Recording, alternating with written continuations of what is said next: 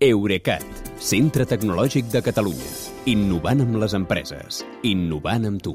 Albert Cuesta, bona nit. Bona nit, Kilian.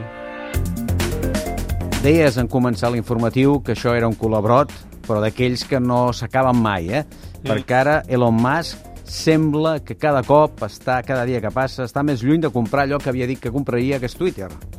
Uh, sí, sembla que sí. Uh, explica el Washington Post que l'operació aquesta s'està refredant per moments i que fins i tot els altres inversors han perdut interès.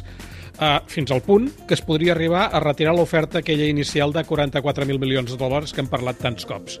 Uh, Musk ara alega que sospita que Twitter no és tan bon negoci com semblava perquè la proporció real de perfils automatitzats i brossa és molt més del 5% que l'empresa reconeix des de sempre i podria arribar a ser del 20%, però el cert és que no té prou informació per demostrar-ho. I qui té raó?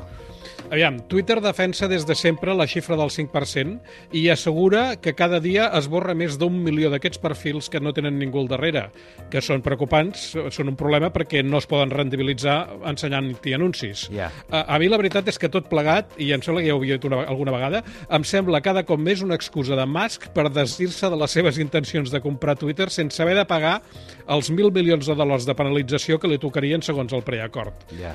Uh, sigui com sigui, amb el pitjor dels casos, difondre dubtes sobre la qualitat de falsos usuaris de Twitter beneficia Musk perquè fa baixar la cotització de l'empresa a la borsa i li dona arguments per renegociar el preu a la baixa. I en qualsevol cas, no oblidem que des que va començar el col·laborat aquest, Musk ha guanyat 20 milions de seguidors i ja en té 100 de milions. I això és un megàfon molt gros, encara més gros que abans, per pregonar les seves idees, eh, pintoresques algunes, i promoure les seves altres cosetes, des dels cotxes Tesla fins als coets de SpaceX.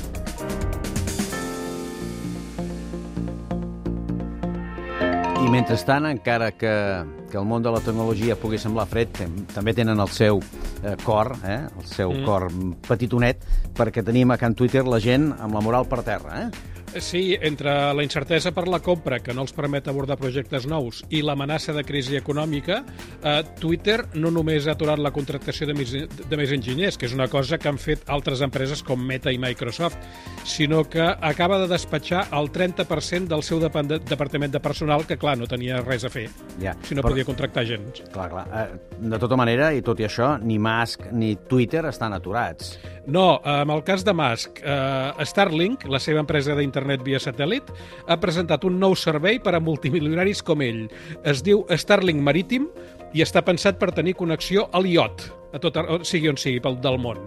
Uh, ofereix una velocitat de 350 megabits per segon i té una quota inicial de 10.000 dòlars pel terminal i les dues antenes i després encara s'han de pagar 5.000 dòlars més cada mes. Uh, respecte a Twitter, han començat a provar una funció nova que es diu CoTweet i serveix per fer això que diu el nom, que és fer tuits conjuntament entre dos usuaris. Ah. Per, ex per exemple, l'escrius tu i si jo l'aprovo, es publica signat pels dos. Uh, uh, a mi em sembla una bona manera d'expressar opinions compartides.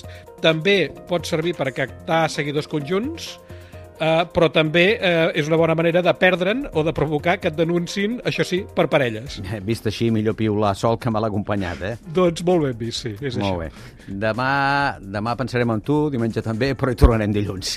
Que vagi bé i bona abraçada. Bon cap de setmana, Kilian. Eurecat, centre tecnològic de Catalunya. Innovant amb les empreses. Innovant amb tu.